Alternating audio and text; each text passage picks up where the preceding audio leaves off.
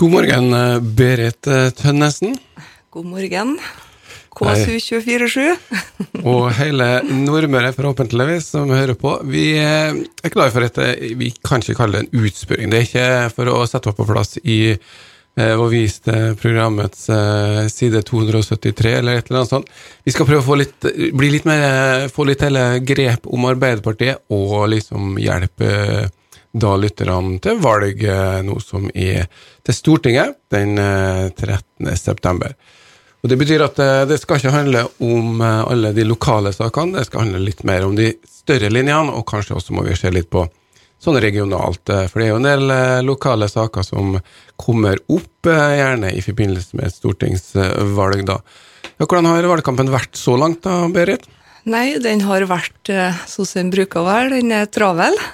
Og nå når jeg er stortingskandidat, så blir det ekstra travelt. Og da eier jeg ikke så veldig mye megatid.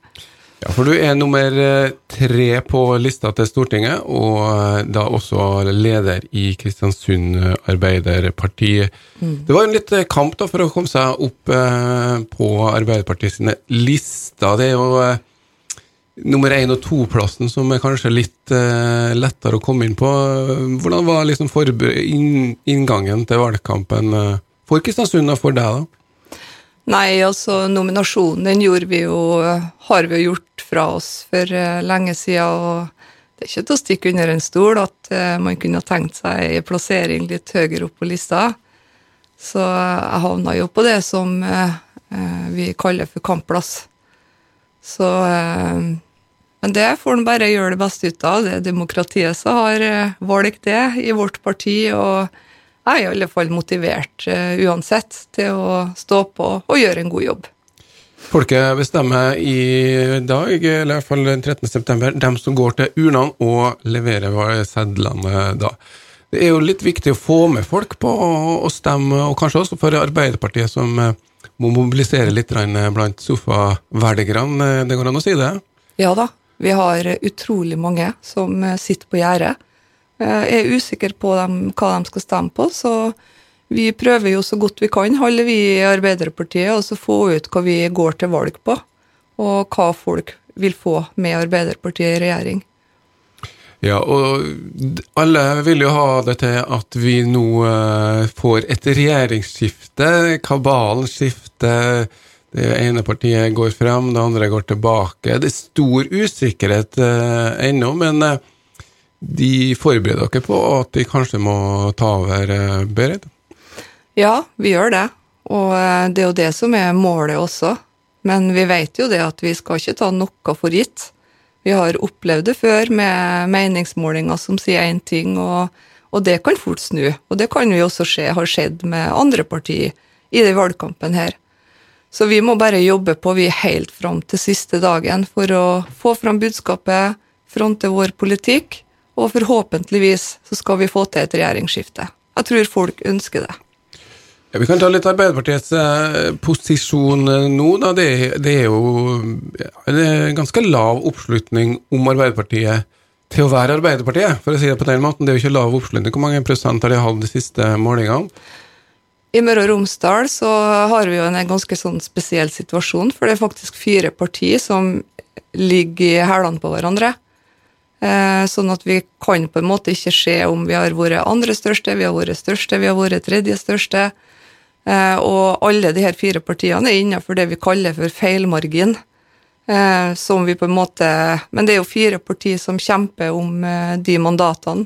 Så da spørs det det tre, tre av partiene vil få to, og så har vi ett parti som får ett, og vi ønsker jo ikke å være der, i hvert fall. Sju mandater, og så kanskje utjevningsmandat? Er det ja, slik? Utjevningsmandatet det er jo bingo, så det er jo utrolig vanskelig å se hvem som på en måte kan få det, da. Mm. Men Arbeiderpartiet har i hvert fall hatt litt framgang igjen i siste, og vinner litt tilbake. Etter, det må jo ha vært fire spesielle år for Arbeiderpartiet. Det har vært interne kamper, og alt som skjer i Arbeiderpartiet, kommer jo opp i dagen, gjør det ikke? Jo, det gjør det. Og vi har heldigvis ikke hatt et fokus på den indre, indre livet i Arbeiderpartiet nå. Og det vi har opplevd nå, at vi klarer faktisk å komme fram med politikken, og at folk er veldig opptatt av våre politiske løsninger, og ikke hva som er på en måte det interne. Så vi har hatt utfordringer, og, og eh, vi har eh, selvfølgelig jobba veldig mye med det. Ja, og da er det selvfølgelig slik at her i Møre og Romsdal så betyr eh, en stemme på Arbeiderpartiet faktisk at eh, Berit Tønnesen har eh, større muligheter.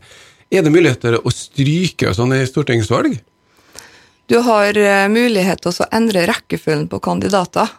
Det kan du gjøre. Så som velger så får du i alle fall muligheten til å sette hvem du ønsker skal stå øverst på lista, om man ikke er enig i den plasseringa som listene på en måte forteller. Ja, da har vi alt det taktisk-tekniske i forhold til valget. Så er det litt sånn saker, da. Vi har jo flere debatter. Det var en partilederdebatt i går også. Det er i hvert fall slik at um, dem som eh, skal ta over, hvis det blir da et skifte, blir jo da beskyldt for bl.a. skatteøkninger, og de, de, går jo til valg på eh, økte skatter. Går det an å si det så skarpt, Berit? Ja, vi, vi, kommer til å føre en helt annen skattepolitikk enn eh, dem som har sittet og styrt landet i åtte år nå.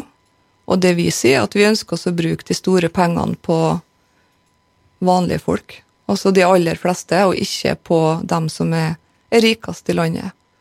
Ja. Så, den, eh, så, det er på en måte en omfordeling som er helt i tråd med, med vår, våre verdier og vår politikk. Ja, så Først altså stiller jeg spørsmål hvem er vanlige folk? Vanlige folk er jo dem som ikke har fått de store pengene. Det er jo eh, eh Regjeringa valgt, som sagt, gi de store pengene til de aller rikeste, og vi ønsker oss å fordele det på en helt annen måte. Og vi har jo et eh, Vi har jo sagt til våre velgere at de som tjener over 750 000 i året og oppover, de vil eh, betale litt mer. Og de som eh, tjener under det, skal ikke gjøre det. Ja, så det, det er skattebiten, og det gjelder jo dem som er i, i, jobb. Det handler vel også om en del velferdstilbud og tjenester også, som de kanskje vil ønske å vri på. Men, men før vi slipper litt til skatten, det er jo for å få inntekter til norske stat vi har eh, skatt eh, da. og det går jo ganske bra med norske stat. Trenger vi egentlig å øke skattene?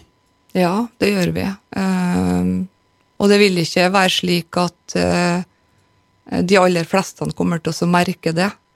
Men de kommer til å merke at vi vil ha fokus på det som skal være tjenestetilbud til alle sammen. På skole, på helse. Mer penger til kommunene. Kjempeviktig. Og vi vet jo det som lokalpolitikere at det har mye å si hva, hva staten eh, gir til kommunene, for det er jo her vi utøver tjenestetilbudet. Grunnskolene, eldreomsorg. Og det er der, det er der borgerne på en måte eh, merker det aller mest, om det er trangt, eller om det er til å leve med.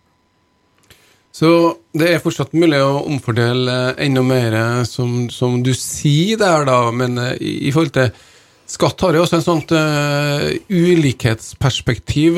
Det står bl.a. i partiprogrammet at de vil uh, de kjemper mot ulikheter. og, og forklare litt uh, hva er problemet med ulikheter? Nei, altså ulikhet Når vi får større forskjeller blant folk, så, så, klarer vi faktisk ikke å løse de store oppgavene sammen. Vi har 500 000, over 500 000 i landet som vi definerer som lever under fattigdomsgrensa. Eh, det er flere unge, eh, og unge får barn. Så vi er Jeg tror det er 105 000 av de her er barn som lever opp i, i det som vi kaller for fattigdom. Som ikke får eh, varm mat på bordet, som ikke får være med på fritidsaktiviteter, som ikke får være med på det Eh, de aller fleste kan delta på. Og ulikhet, det skaper uro, det skaper sykdom. Eh, fattigdom skaper sykdom. Folk får ikke gått til tannlegen, de får ikke prioritert på en måte seg sjøl og helse og, og, det som er viktig. Nå, snakker du om dem som på en måte blir da eh, som har mindre ressurser enn Men skatt handler jo mye om å ta dem som har større ressurser, eller som har, er bedre fordelt? Da? Det går ikke an bare å si at ok, vi skal målrette og løfte dem som er da i dårligere stilt, Ja, istedenfor å ta skattekampen. ja, men uh, dem som har aller mest, er faktisk nødt til å være med og bidra mer. Nettopp for at vi skal klare å løfte fram dem som eh, ikke har det bra. Men bidrar de ikke allerede vi gjennom skattesystemet ved at vi har mer skatt på dem som tjener mer? Vi har jo det. Jo, men ikke nok. Men det jo, andelen prosent er jo høyere hvis du tjener mer. Altså Hvis du tjener en eh, gjennomsnittsinntekt i Norge i dag, en eh, 400 000-500 000, og definisjonen er jo spørs hvordan du regner, om du tar med de aller meste, og sånne ting, så er det jo klart at uh, de betaler jo en sats og har en del fradrag, men jo høyere opp du kommer i inntekten, så kommer jo toppskatt, og det kommer andre tillegg. Da. Sånn at en som tjener mer, vil jo betale prosentvis mer, og i sum betaler en jo allerede mye. Ja, men det som eh, Arbeiderpartiet sier, det er jo at de som sitter med store verdier, de skal også, de skal også kunne bidra mer ut av, ut av eh, rikdommen sin. Så eh, det å ha den progressive beskatninga som, som eh, du spør om, den er jo Alle skal være med å bidra. De er også med å bidra, de som tjener 300 000 og 400 000. Så alle er med og bidrar. Da er det jo formuesskatten som får lov å bli hoggestammen. Men det er jo relativt, jeg må få si det, det er ikke en stor andel av eh, det som man kaller for skatteprovenyet, eller altså skatteinntektene er ikke fra formuesskatten. eh. Der ønsker dere å stramme til.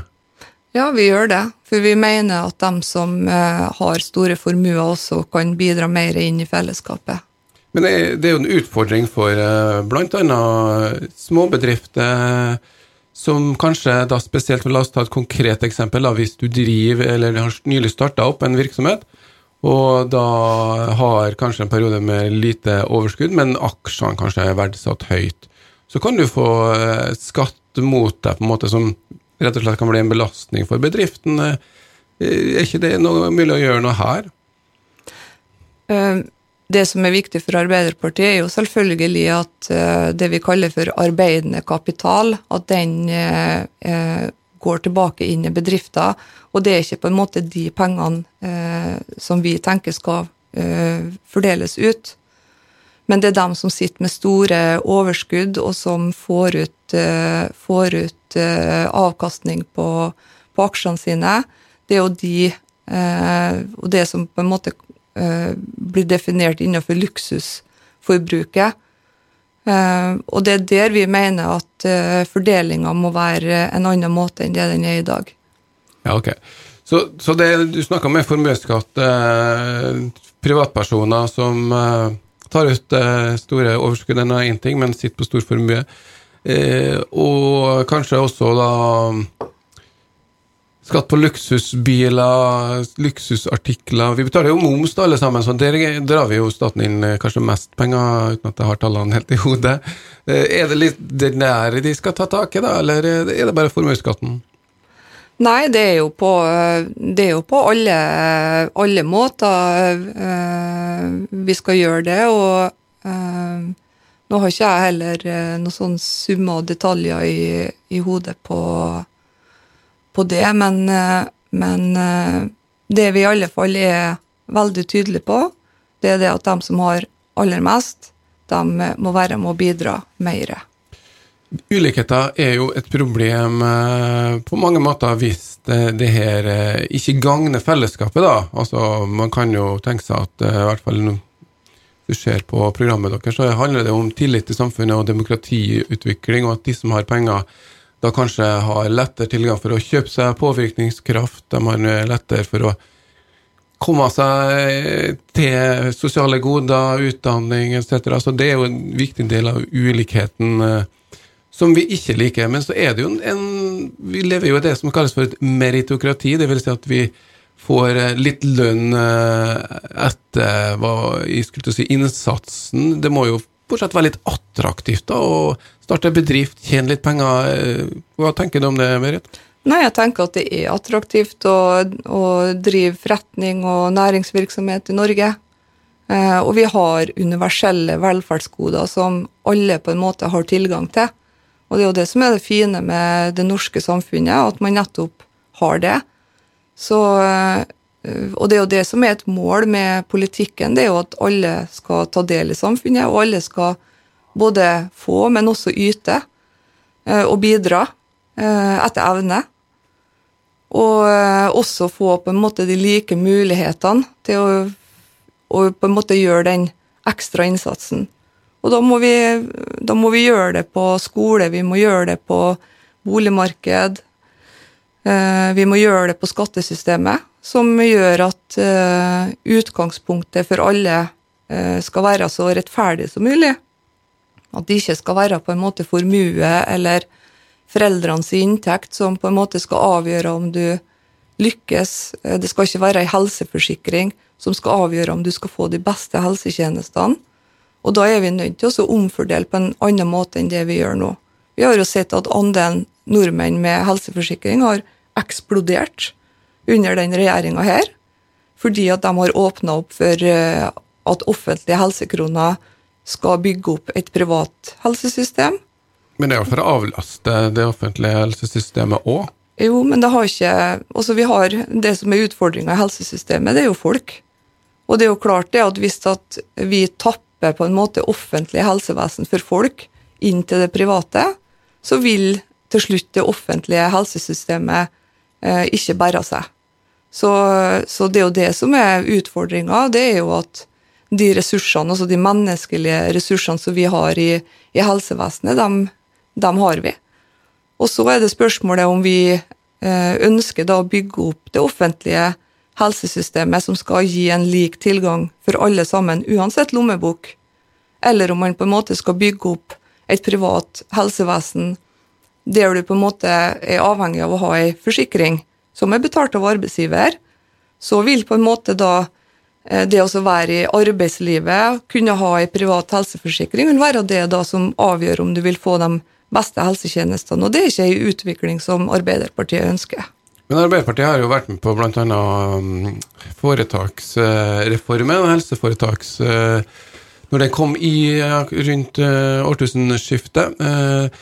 Det er jo et ønske da om å rett og slett sette en tjeneste in sum på, og så driver man og gjør, setter opp litt sånn bedriftsøkonomiske prinsipper i helsevesenet da er man jo med å konkurrere, da er man jo med på det spillet, vil jeg påstå, som privat helse er med på. Hva skal dere gjøre i forhold til den modellen, helseforetaksmodellen? Nei, altså, Programmet vårt sier jo eh, veldig mye om eh, hva vi ønsker oss å gjøre eh, med den. Vi har jo, og det er nå ikke til å legge skjul på at vi har vært uenige innad i partiet om det her på en måte er en gangsmodell å styre helsevesenet eller spesialisthelsetjenesten på. Jeg er jo en av dem som ønsker å fjerne foretaksmodellen. Det partiet har gjort nå i sitt program, det er jo at de har vært veldig tydelige på at den markedsrettinga av helsevesenet, eh, New Public Management som det så fint kalles, Eh, har jo infiltrert på en måte veldig også store deler av helsevesenet. Vi har også sett på det her med demokratisk innflytelse. Eh, og det er jo sånne ting som Arbeiderpartiet eh, nå sier, at vi kommer til å gå inn for en tillitsreform innenfor offentlig sektor. Og det innebærer jo både mer folkelig innflytelse, selv om man ikke har gått steget fullt ut og skrota modellen, sånn som eh, vi har ønska, så er i alle fall eh, eh, det vi gjør nå, er Jeg tror i alle fall at det er mange år siden jeg har sett på en måte en sånn profil på, på Arbeiderpartiet i forhold til spesialisthelsetjeneste. Så her skal det brettes opp armer og tas tak. Eh, mer eh, rett og slett politisk innflytelse over eh, helse, da, kan man si det så ja, enkelt? Ja, fordi at det vi har sett nå, det er jo at det har jo eksplodert av direktører. Vi har fått en helt uh, annen faggruppe innenfor helsevesenet som har blitt veldig stor. I forhold til fagfolk så er det også økonomer.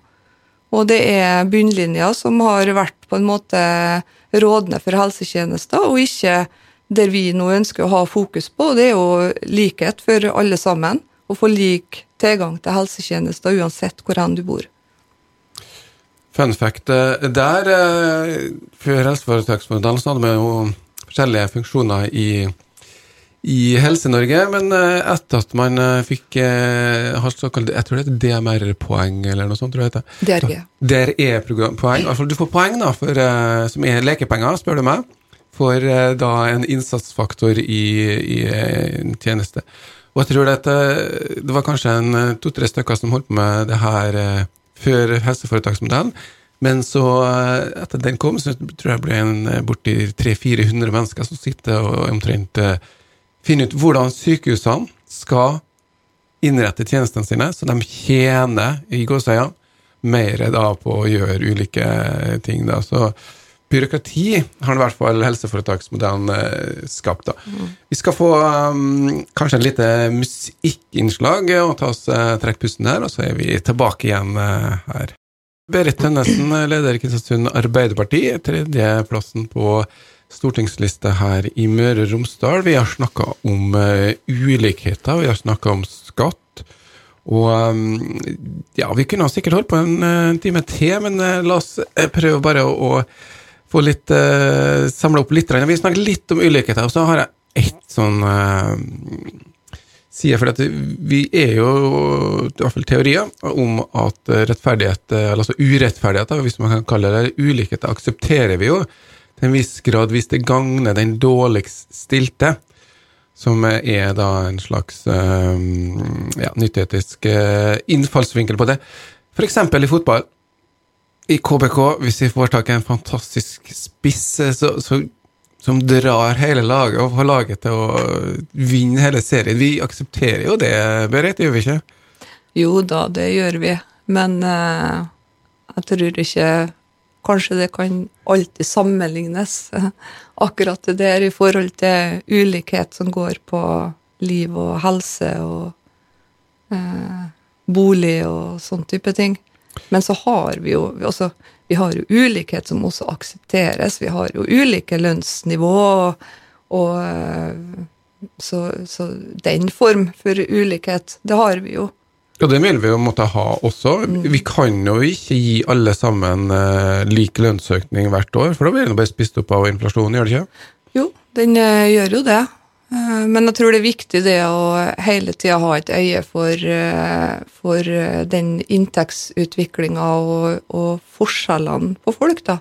Når vi ser at det er noen som kanskje drar av gårde mye mer enn en andre så, så er vi ikke helt på rette sporet. Så um, Ole Gunnar skal få tjene sine 100 millioner, eller hva han tjener, i England. Bare en kommer tilbake til Kristiansund, ikke ja, sant? Ikke sant. da er det greit å ha litt formue å skatte av.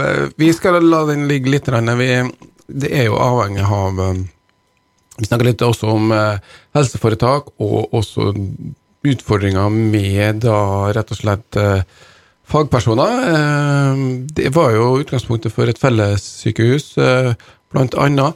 Og nå har vi hatt en diskusjon om fødetilbud, eh, og da i forhold til å bevare det her i Kristiansund. Hvordan skal vi få til det? Nei, da må det tas noen politiske beslutninger. Det er det vi må gjøre for å få til det. Og Møre og Romsdal Arbeiderparti har jo et standpunkt i forhold til føde og akutt i Kristiansund. Og det er jo at det fødetilbudet eh, skal bevares også etter at et fellessykehus eh, er bygd. Vi er ikke helt på linje med vår egen partiledelse på det.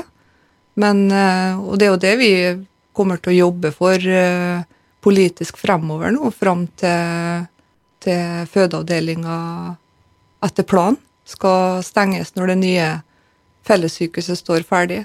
Og det er mange ting som kan skje på de årene. Da er vi faktisk inne i et nytt valgår igjen. Eh, og det som Arbeiderpartiet sentralt har sagt i forhold til eh, det de har hatt av standpunkt i den saken, det er jo at uh, det skal være faglig forsvarlig. Og det vil jo si at da må vi ha, ha folk og ressurser, så tenker jeg at det, Men det må vi kunne få til. få i fleisen hele tiden, for det er jo altfor få gynekologer eh, utdanna i Norge. Ja. Det er for få uh, som kan jobbe på ei fødeavdeling. Det tar, det tar litt tid å fikse det? Det tar tid å fikse, altså det tar lang tid å utdanne en sykepleier, en spesialsykepleier, en gynekolog og en jordmor. Og jeg tenker at det er jo der vi på en måte er nødt til å eh, vri politikken og, og, jobbe for å få den kompetansen som vi trenger innenfor helsevesen. Jeg har alltid tenkt at det her kan vi jo på en måte sammenligne også med andre helsetjenester. Eh, har du for lite hjertekirurger, ja, så må man jo faktisk gjøre noe for å få flere hjertekirurger. Vi kan ikke bare legge ned et tilbud fordi at ikke vi ikke har nok eh, fagkompetanse. Så der må man inn og, og gjøre, gjøre, noen politiske grep. Både i forhold til å styrke rekrutteringa, og selvfølgelig så må man også se på de, også hvorfor vi har de utfordringene. Vi har jo en utfordring i forhold til at det er flere vi får eh, heldigvis flere eldre, altså vi lever lenger. Eh, og så føder vi færre barn. Eh, så vi har vært helt avhengige av å få faktisk både helsevesenet, men også øvrig næringsliv til å gå rundt nettopp med å eh, ha folk fra andre land som kommer og, og jobber i Norge. Så arbeidsinnvandring, er det er vi avhengig av. Du kommer jo litt fra fagorganisasjonen, går det an å si det sånn? Og ja. der har det jo vært eh, stor uh, motstand mot bl.a. arbeidsinnvandring, eh, eller eh, setter jeg litt på spissen nå? Ja, det er ikke i fagbevegelsen du vil finne, finne den motstanden. Det som har vært, det fagbevegelsen har vært opptatt av, det er jo at ikke vi på en måte får et arbeidsliv som, som ødelegger lønns- og arbeidsvilkårene for, for arbeidstakerne i Norge. Eh, og Derfor så fikk du jo på et tidspunkt allmenngjøring av tariffavtaler som sier noe om hvordan vilkår også arbeids, eh, også firma som kommer utenfra og skal jobbe inn i Norge, hvilke regler de har å forholde seg til. Men den satt langt inn. Og det er jo nettopp fordi at man, når du på en måte allmenngjør og du nærmest lovfester et lønnsnivå, så vil det gjerne være der. En, en tariffavtale vil jo alltid fastsette minstelønna. Men i realitetene så forhandler seg jo ofte frem til, til bedre arbeidsvilkår. Sånn at du, det der er alltid en balansegang. Men innenfor bygg og anlegg annet, og Fellesforbundet sine områder, så var allmenngjøring et, et viktig grep den gangen. Vi ble jo hardt ramma da når eh, korona kom og masse næringer rett og slett fikk tak i de folkene som eh, jeg eh, ofte kom hit og jobba, og gjorde en jobb fordi vi ikke rett og slett hadde norske fagpersoner. Mm. Vi skal ikke ta den debatten nå, vi skal bevege oss litt videre. Det har jo vært en, en miljøvind, bl.a. FNs siste rapport, som lyser varsler rødt for klimaendringene. Nå er de over oss. Det er et tiltak. Eh, det går ikke an å planlegge lenger, nå må det gjøres noe. Og dermed så er det jo i hvert fall i den yngre generasjonen et eh, klart definert ønske om å gå i en mer ikke bare miljøvennlig, men nesten klimavennlig retning. Der har eh, Arbeiderpartiet en utfordring. Det blir ikke stempla som et miljøparti. Nei, men vi blir ikke stempla som miljø- og klimafiendtlig heller. Vi har jo Vi har faktisk eh, fronta klima- og miljøpolitikken på en måte som jeg tror også gir troverdighet. Eh, for det er viktig. Jeg tror det er viktig for å få oppslutning om nettopp det du sier, men, og gjøre store grep. Ja. Eh, du hadde jo Mongstad, store renseprosjekter, skulle redde oss, Stoltenberg. Det har ikke skjedd noe der. Tungindustrien, hvor langt den kommer egentlig å redusere CO2? Vet du, Jeg synes at det norske næringslivet har vært utrolig flink. Eh, de har eh, tatt eh, de politiske signalene i forhold til å nå klimamål på alvor, så det gjøres utrolig mye godt arbeid rundt i den enkelte bedrift. Og jeg merker det veldig godt, for jeg har jo mitt politiske felt som har vært olje og gass i mange år. eh, spesielt innenfor den sektoren.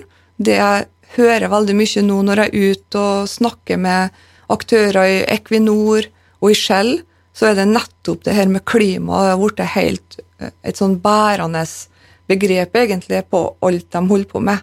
ikke det bare helt uh, nødvendig? Altså Hvis du er et oljeselskap i dag og ikke bryr deg om klima og miljø, så er det vel ingen som vil jobbe der, er det? Nei, det er ikke det. Og det og det er jo klart at det de folkene som, som, jobber i den industrien, fra fagarbeideren og, og, og, videre, all den kompetansen, det er jo dem som også skal utvikle oss innenfor de fornybare næringene, og, og faktisk gjøre det også. Så det er jo oljeselskapene i dag eh, Eller de kaller seg ikke det, de kaller seg energiselskap. Men det er jo grønnvasking?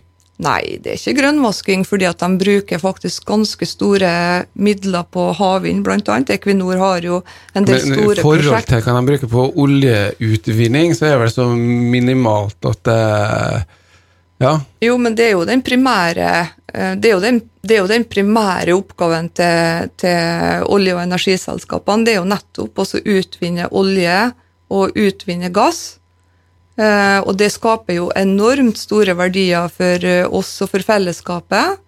Det går jo nesten 80% skatt av de verdiene som, som de tar ut. Ingen, ingen, tvil om det, men det er jo ikke til å legge skjul på at karbon skulle si, og fossile brennstoff går en mørk tid, og bør også gjøre det, hvis man skal ta hensyn til klimaet. Hva skal vi gjøre? Eh, Arbeiderpartiet vil vel ikke si oljestopp, eh, men eh, hva med oljebrems? Vil dere være der? Ja, men det, jeg opplever faktisk at vi har en oljebrems allerede. Og jeg ser jo veldig godt hvordan selskapene nå jobber. Det er jo ingen som er ute og utforsker på områder der du ikke har etablert infrastruktur, annet. Så, så selskapene eh, er jo veldig bevisst på det. Og eh, det vi eh, gjør nå i forhold til, i forhold til den næringa, det er jo at vi skal på en måte ruste oss og forberede oss på en eh, transformasjon. Altså vi må, vi må, endre oss, vi må bruke den kompetansen eh, inn i det blå skiftet og det grønne skiftet.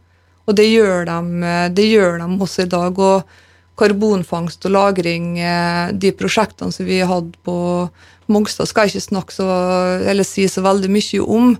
Men eh, det er jo en teknologi som vi har forutsetninger for å utvikle her i Norge. Og, og det er jo klart at den For vi har jo nest, altså vi har verdens beste leverandørindustri, vil jeg påstå. I forhold til å kunne løse de utfordringene. Og da løser vi ikke bare utfordringer eh, i Norge, men vi, det vil også være utvikling av teknologi som andre land, som eh, forurenser, og, og der forurensninga virkelig vises på statistikken. Eh, klarer vi å utvikle sånn eh, teknologi som kan på en måte brukes av andre, så gjør vi på en måte eh, et stort og viktig arbeid nettopp for å bekjempe klimaødeleggelser. Hovedargumentet for oljenæringa er jo at hvis ikke vi utvinner olje her i Norge, så vil jo da et hvilket som helst tredje land uh, med kanskje lavere krav til utslippsbegrensninger ta over, da. Så, så den ligger jo der. Men hva med f.eks. jeg vil kalle leitefradraget eller skatten på Man har en sånn ordning i oljenæringa at man får trukket ifra utgifter til ja, leiting og at olje og Hvordan stiller Arbeiderpartiet seg til akkurat den eh, biten? Det kom jo signaler for noen dager siden på at man skal kanskje fase bort den? Ja, den leiterefusjonsordninga eh, Jeg fikk høre om henne nå i går, at regjeringa har eh, jobba med å ta bort den. Eh, og den skal jo ut på høring. Så Arbeiderpartiet har ikke sagt noe hva de tenker på. Jeg vil i hvert fall se hva regjeringa tenker rundt det. Men det er altså, En ting er å si nei til eller legge ned oljeindustrien som MDG vil, men det her er jo et virkelig konkret grep som kan eh, bremse oljeutviklinga, men ikke nødvendigvis legge ned næringa? Og så, Jeg hørte jo på argumentasjonen fra statsministeren, som sier det at uh, det er ikke noe det er ikke en god politikk å la på en måte storsamfunnet eh, la aktører utvikle eh, ikke-lønnsomme prosjekt. og det er jeg for så vidt enig i, at vi skal ikke på en måte legge til rette for at det ikke på en måte, eller at det utvikles prosjekt som ikke er lønnsomme for samfunnet. Så det må jo på en måte ligge helt til, til bunn i det.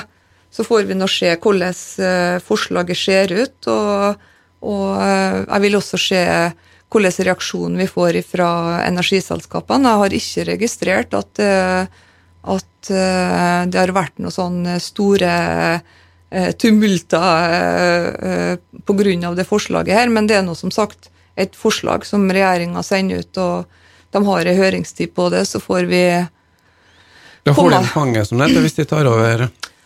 Rett og slett? Ja, det, vi gjør jo det. Hvis det er vi som kommer i regjering, så er det jo ikke lenge til vi skal ha et valg nå, da. Mm. Og det kan jo også være en strategi fra regjeringas side i forhold til å være konkret på, på, på klimatiltak. Eh, så får vi nå se hvordan det utvikler seg. Arbeid til alle er jobb nummer én. Eh, det har Arbeiderpartiet sagt uh, i mange år. Ja. Det er derfor det heter Arbeiderpartiet. Men uh, hvor mye natur kan vi ødelegge for å skape en arbeidsplass? Hvor mye er akseptabelt? Fins det noen mål på det her? Vi, jeg tror ikke vi, tar, vi har ikke det som et utgangspunkt, at vi skal ødelegge natur for å skape arbeidsplasser. Det er ikke på en måte der vi De gjør det på Målgneset. Da tar jo natur for å skape arbeidsplasser? Ja, det, det gjør vi.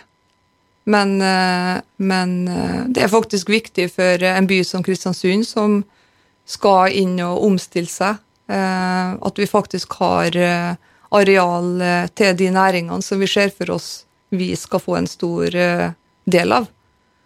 Så vi er, vi er kanskje den eneste her i fylket som, som, har et sånn type areal som vi har dedikert til den type næringer innenfor eh, mineralutvinning, innenfor næringer som på en måte skal bære oss videre og gi oss arbeidsplasser videre.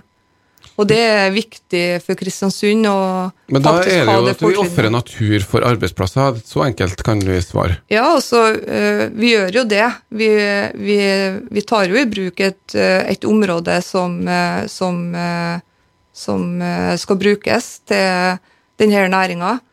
Så, så det, det, gjør vi.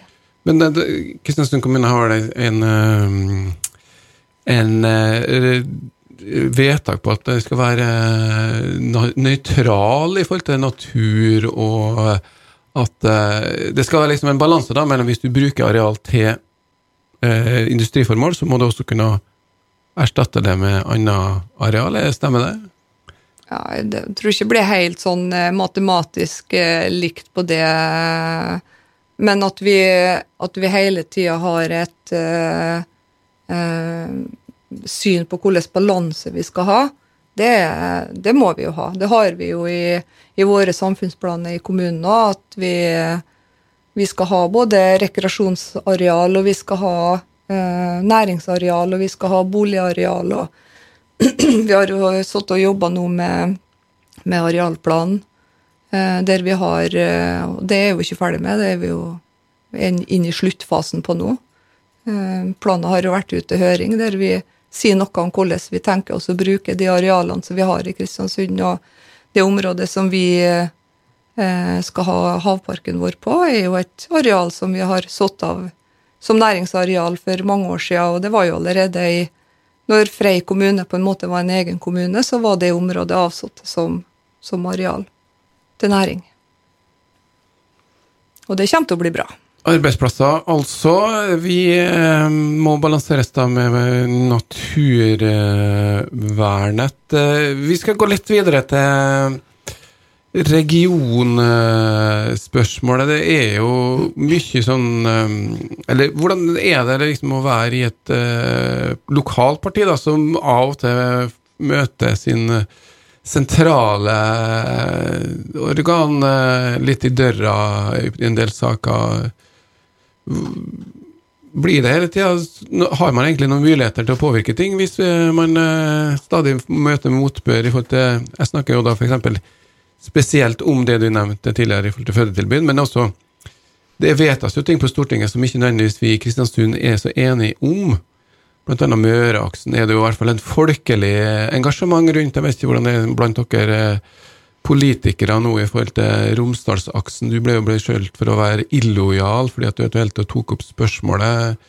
Hvordan er det å være i et parti hvor eh, det er litt partipisk?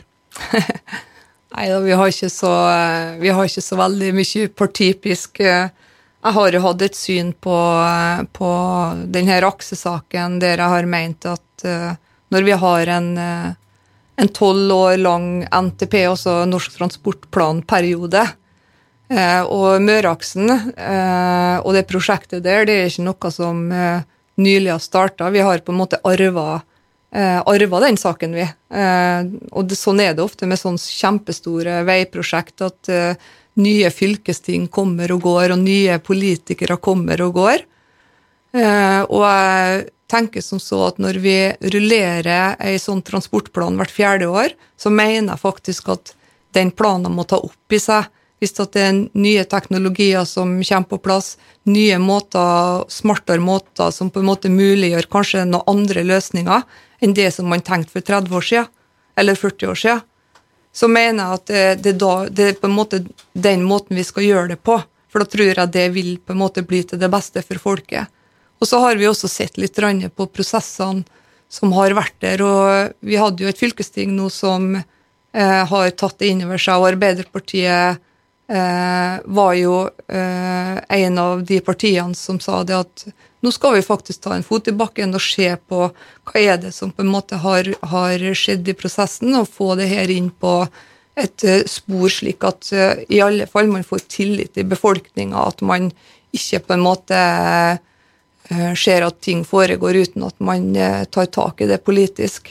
Og det tror jeg vil gagne oss alle sammen. Og så får man være uenig. Det er veldig mange meninger om aksesaken internt i i Arbeiderpartiet i Møre og Romsdal. og Noen argumenterer for, og noen argumenterer imot, og sånn er det. Omkamper er det nå? Er vi glad i omkamper i Kristiansund? Nei. Ikke, jeg tror ikke vi er spesielt glad i det, men vi har opplevd at vi har virkelig har måttet kjempe for det som har stått oss nærmest. Og, og, det tror jeg er eh, Det tror jeg faktisk ethvert lokalsamfunn gjør når de synes, når de opplever at ting som er kanskje det viktigste man har, står på spill, så må man kjempe for det. Og jeg er stolt av at Kristiansund har gjort det, og det har vi faktisk gjort òg. Men eh, regiontilhørigheten eh, er jo noe som de diskuterer i Kristiansund, men som helt klart kom som følge av ja, kanskje litt bitterhet knytta til sykehussak, bitterhet i forhold til at vi ikke får uh, vår uh, andel av offentlige arbeidsplasser. Er ikke det bare en kamp som Hva slags kamp er egentlig det? Hvorfor skal vi jobbe det med regiontilhørigheten nå? Er ikke det sånn at det hvert femte år så er det nå en runde med sammenslåing av kommuner og fylker, og nå er vi kanskje kommet så langt at vi må bare akseptere det som har blitt resultatet, da? Ja, altså den, den kom, Regiondiskusjonen den kom eh, lenge før sykehus. Eh, og Men det ble i hvert fall forsterka av den? Ja, ja, og det, det enhver, eh, kan du si Det vi opplever som skjevfordeling, eh, ethvert tilfelle av det vil på en måte sette i gang den diskusjonen. Og eh, politisk så har vi jo har vi jo hatt regionsaken på agendaen. Den ble jo veldig aktualisert når eh, regjeringa satte i gang sin eh, regionreform, der man eh, begynte å tegne kart i forhold til hvordan skal landet vårt deles inn. Hvordan Men vil det komme opp i et nytt storting igjen nå? Det er jo på stortingsnivå hvis man skal skifte region? Ja, ja. Og det er et stortings... Det er det. Og og vi vet jo det at uh, Troms og Finnmark, blant annet, uh, der har vi jo en ganske heftig diskusjon, og har vært og er en veldig heftig diskusjon. Så det er klart at det vil, for somme regioner, så vil det bli aktuelt. Møre og Romsdal er jo en veldig liten, altså vi er vel kanskje minst, av alle regionene. Og det vi skal ha i bakhodet, det er jo at vi skal jo faktisk ut og kjempe for for uh, fellesskapets ressurser hit til fylket. Uh, og det å på en måte da være en liten region, region kontra større regioner vil jo selvfølgelig ikke gi oss et fortrinn i det arbeidet, så her må vi på en måte kjempe ganske mye bare innenfor de regiongrensene vi har. Men det ville ikke det vært, uten at vi skal være så hypotetisk, men hvis vi er nå en liten eh, region i Møre og Romsdal, eh, står litt samla, da. Blir jo, det blir jo et splittelse i Møre og Romsdal også. Dine kollegaer i Arbeiderpartiet i lenger sør vil jo ikke være enig med deg i det her. Hva du tenker på? Regiontilhørighet, f.eks.? Nei, men jeg har ikke tatt stilling til regiontilhørighet. Men du skal la folket bestemme, i hvert fall? Ja, det her skal vi spørre folket om eh, hva, hva mener man egentlig om det. Og vi har jo eh, Kristiansund Arbeiderparti gikk til valg på at vi ønska å la folket bli hørt. Vi, vi sa det at nå skal vi se om vi klarer å på en måte finne eh, svar på det folk har tenkt skulle løse seg med et eventuelt regionskifte. Eh, bare få definert hva vi, hva vi, har, og om vi kan se, om vi kan finne ut hva vi kan få. Det er kjempeviktig, og dette er et spørsmål også der man, man spør folk om råd, og det, det, tror jeg folk setter pris på. At uh, du bruker også den demokratiske muligheten. Det er jo en eh, Det er ikke vanlig med folkeavstemninger i Norge, vi kan jo si det så mm. sterkt. Så den tid, den eh, Når man kommer til det steget Vi må løfte oss litt videre her. Det er stortingsvalg, så det er jo ikke en kamp om posisjoner i verken Møre og Romsdal eller i Kristiansund. Eh, noen råd til de som skal stemme nå? Skal de stemme hjerte, hode eller begge deler? Hva skal man tenke litt på? Nei, Jeg tror det er viktig for folk å sette seg inn i en helhet. Eh, veldig mange er opptatt av, eh, av eh, enkeltsaker og lar det på en måte være avgjørende for hvilke valg man skal ta. Og så glemmer man på en måte kanskje de store linjene. Hva er det vi på en måte setter på spill på andre områder som også er viktig for oss?